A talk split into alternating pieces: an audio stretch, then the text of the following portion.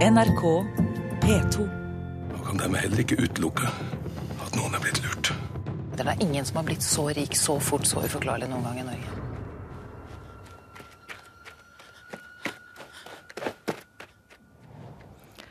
Ja, hvis du kjente at det kribla litt nedover ryggraden nå, så var det helt riktig. Dette er jo fra den nye norske thrilleren Mammon, som hadde premiere på NRK1 i går. Og kritikerne jubler, journalister surmuler, og nesten en million nordmenn så premieren på Mammon.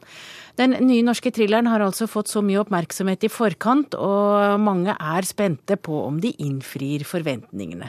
Men som vanlig, alle er ikke like fornøyd. Og på Twitter var det i går mange som syntes Mammon var verken troverdig eller underholdende. Og en av de misfornøyde twitrerne, det var deg, Frank Rossavik. Du er forfatter og journalist, og hva var det du ikke likte?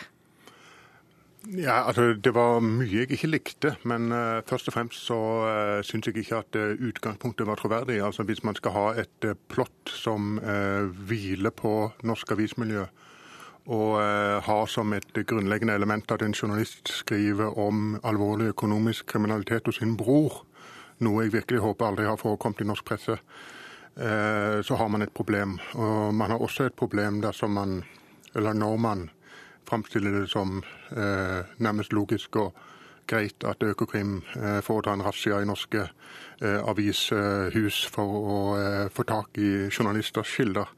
Det ville sannsynligvis heller ikke skjedd i Norge. I andre land kan det skje. Det er også viktig, dette er jo ingen reality.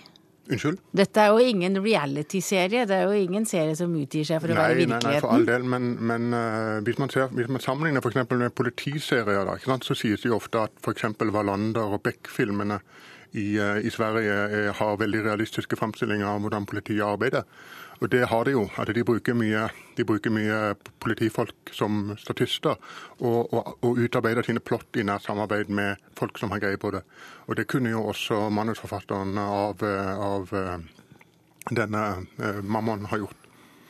Vi har med oss manusforfatteren, men han får ikke slippe til ennå. For vi har med oss deg, Terje Eidsvåg. Du er filmanmelder i Adresseavisen.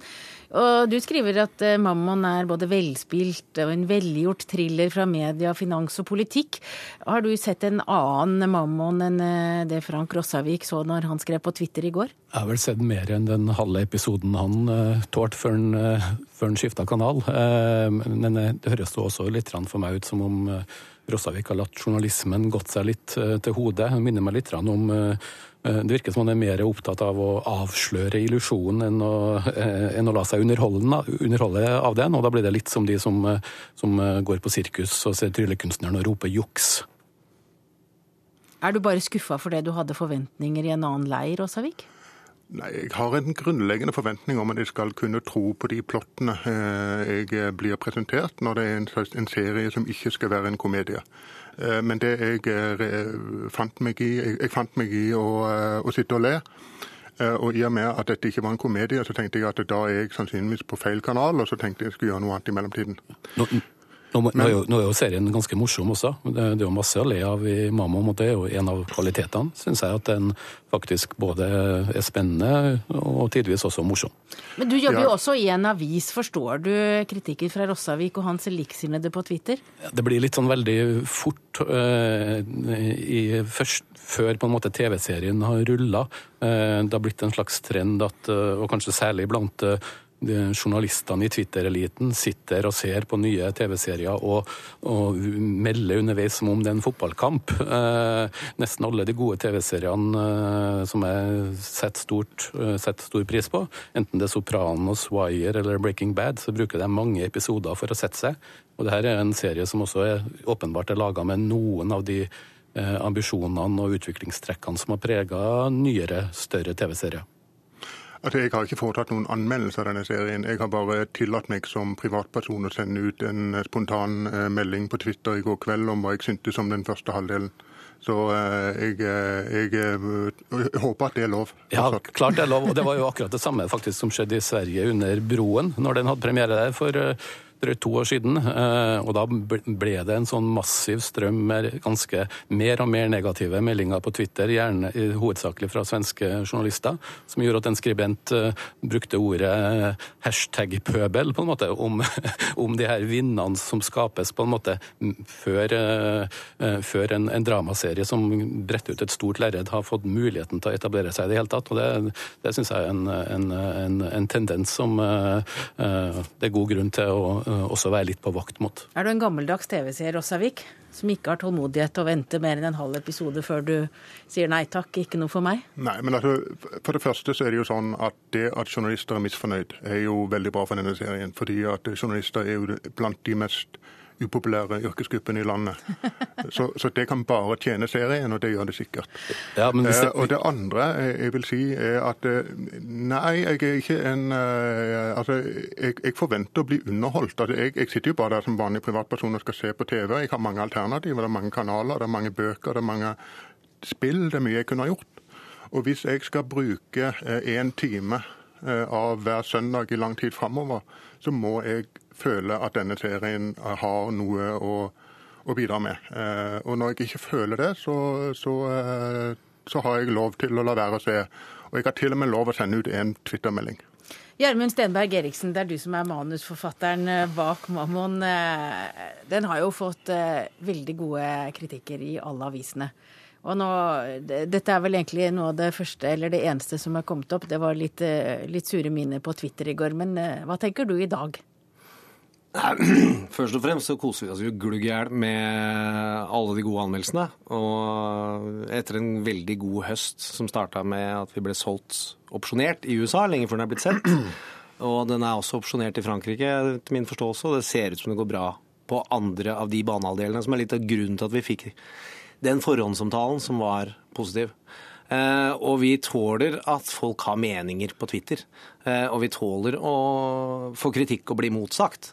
Eh, for all del. Det er store, store ressurser som er blitt brukt på å lage en lang fortelling. Og det skulle bare mangle om ikke folk var engasjert, og noen melder seg på og noen melder seg av.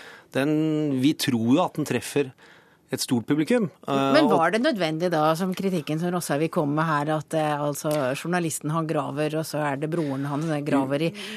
Jo, og Økokrim ransaker redaksjonen? Jo, men eh, ta første påstanden at vi ikke har jobba med journalister, så har vi en ganske lang og drøy og god researchperiode hvor vi har jobbet med både redaktører og journalister og diskutert de ulike punktene.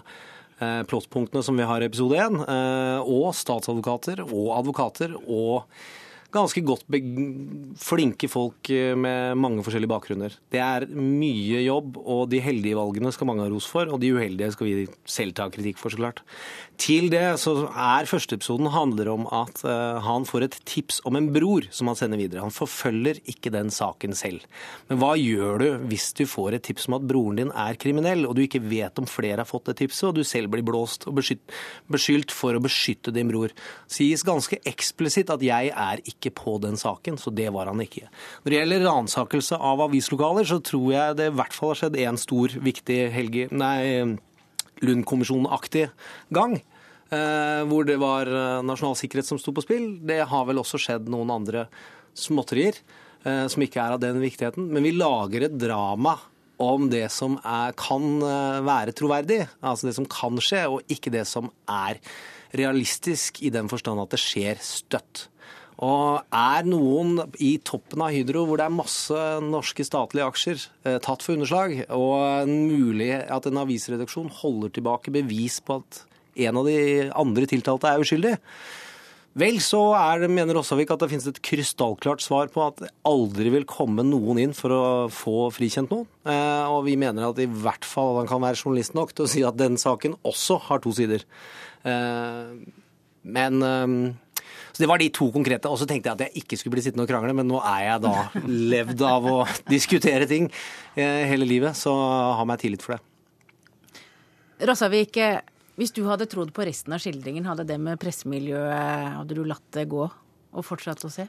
Ja, det, jo, det med pressemiljøet jo helt, uh, hadde jo hele hovedtyngden i starten. Og til en av de tingene som manusforfatteren sier, sånn at altså hvis en mann får tips om sin egen brors uh, mulige økonomiske kriminalitet, så ville den journalisten, hvis han hadde målbar IQ, overlatt den saken til en annen og gi de tipsene videre til en kollega som kunne ha behandlet det på en uhilda måte. Som skjer det, i den såpass... åpningsscenen på taket ja. av Aftenavisen, ja. uh, i, på dialog. Ja. Så det er ikke uplassert, det. Men det er unnskyld.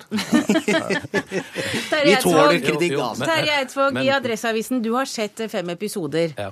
Uh, og hvorfor mener du at denne serien er så bra? Nå må det sies at, eh, at, eh, lista er ganske lav når det gjelder norsk krim på TV. Det er ikke engang å hoppe etter Tommy Wirkola, for å si det sånn. Og, og, eh, jeg mener at dette er en av de bedre jeg har sett noen gang.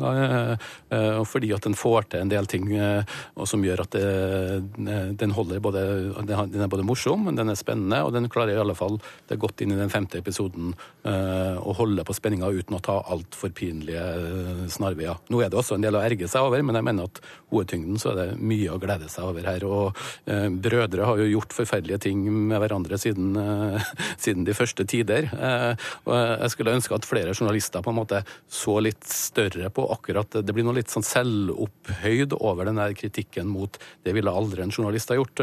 Buss Aldrin ble hyra til å anmelde Gravity i USA nylig, eh, og han påpekte jo en masse feil og mangler ved, ved den filmen som ikke kunne ha foregått i verdensrommet, men det var en fantastisk god underholdende film. Eh, og nå må jo selvfølgelig Ross og andre blir underholdt hvis de skal like det. Men det er et eller annet med den her journalistiske, litt sånn selvhøytideligheten med at det kunne aldri ha skjedd, som, som jeg merker at jeg får litt i vrangstrupen etter noen av de reaksjonene som har vært uh, før første episode en gang var ferdig. Og det sa du, Terje Eidsvåg, du er filmanmelder i Adresseavisen og har sett fem episoder. Takk til eh, Frank Rossavik, forfatter og journalist, og Gjermund Stenberg Eriksen, som da altså er manusforfatteren til serien Mammon. Hør flere podkaster på nrk.no podkast.